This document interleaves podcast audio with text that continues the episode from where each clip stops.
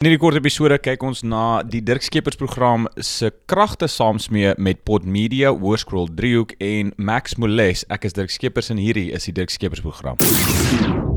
Baie welkom terug aan my gereelde luisteraars en ek kan nou met trots aankondig dat die Dirk Skeepers program kragtig gaan saamspan met die Pod Media mense om sodoende meer Afrikaanse inhoud vir jou luistergenot te bring. En niks gaan regtig verander nie. Al wat dit beteken is dat die program ook nou beskikbaar gaan wees op YouTube en Spreaker, asook al die gewone plekke so SoundCloud, Apple Podcasts, Google Podcasts ensovoorts ensovoorts. As ons kan kop eerste inspring, ek gaan nie die manifeste van politieke partye in Suid-Afrika behandel nie, want soos ek al voorheen genoem het, ek dink hoe meer mense deelneem aan hierdie stelsel, hoe minder verleen jy legitimiteit legitimiteit aan daardie spesifieke stelsel. So dit is ookie vir my nodig om klaagliedere te sing oor die ANC het dit of die EFF het dat, want ek het nie net fisies nie, maar ook psigies my karretjie afgehak van wat kan beskou word as 'n buitelandse regeringsbestel. En ja, ek kyk na my statistieke en ek is heeltemal bewus van die feit dat meeste van my luisteraars nog steeds in Suid-Afrika is en wat met die ANC en die EFF en al daai ons gebeur affekteer julle meer direk want dit is omdat julle belastinggeld nog gaan aan aan hierdie regering wat in vele opsigte nie dienste lewer vir daardie geld nie. En daarom dink ek ook as ek nou net kan noem, ons gaan nie heeltemal in hierdie episode diep daarin ingaan nie. Die be belastingopstand, ek dink is wat jy dit noem, is dalk nie so 'n slegte idee nie, maar dit moet op groot skaal gebeur om dit onmoontlik te maak om honderde duisende mense te arresteer. Een ding is verseker, dit bly 'n hartseer stand van sake en daarom moedig ek veral jonger Afrikaners aan om beide jou bates en jou burgerskap te probeer diversifiseer soveel as wat jy kan. Dit gee jou soveel meer opsies en opsies beteken natuurlik iets wat baie na aan die Dirk Skeepers program is en dit is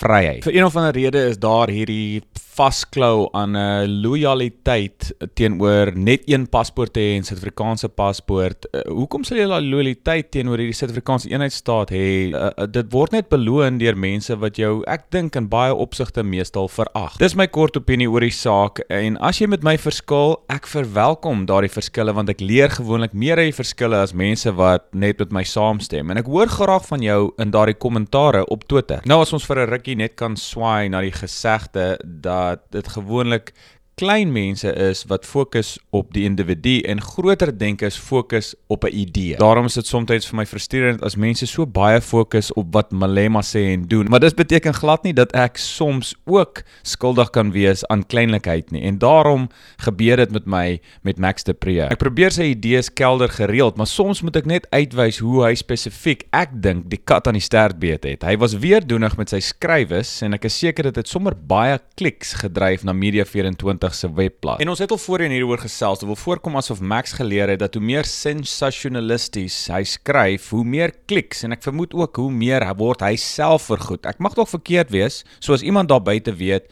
oor hoe die mense vergoed word per klik of iets by daai maatskappy. Ek sal graag van jou wil hoor. In elk geval, Max is blykbaar in die bek geruk onlangs in die Kaap, basies omdat hy 'n wit vel het en hy het 'n swart vrou aangevat omdat sy sit en kak praat met haar chommy in plaas van om Max 'n bottel wyn op te lei by die drankwinkel. En toe later swaai ou Max voor 'n swart dude in by die volstasie wat hom ook toe 'n snopklap wou gee. Altwee die mense het blykbaar uitgewys dat hy wit is. Nou of hierdie goed regtig gebeur het, weet ek nie, maar dit lyk vir my of nou wel daai groot wit messias wat lief is om homself selfgeesteling toe te dien en soos die Engelsman sê te virtue signal ook nou aan die ontvangkant was van swart rasisme wat ek weet ek weet ek weet nie regtig bestaan nie. En vir die van julle wat dit mis, daai was sarkasme. Ja, soos op baie hierdie punt net vir 'n rukkie kan bly. Een ding wat ek baie belangrik agtergekom het hierdie afgelope paar dae en ek moet by sê soos dat selfgeesteling glad nie 'n probleem is nie mits die persoon wat hom of haarself met die figuurlike sweep slaan dit net by hulle bly. En wat bedoel ek hiermee?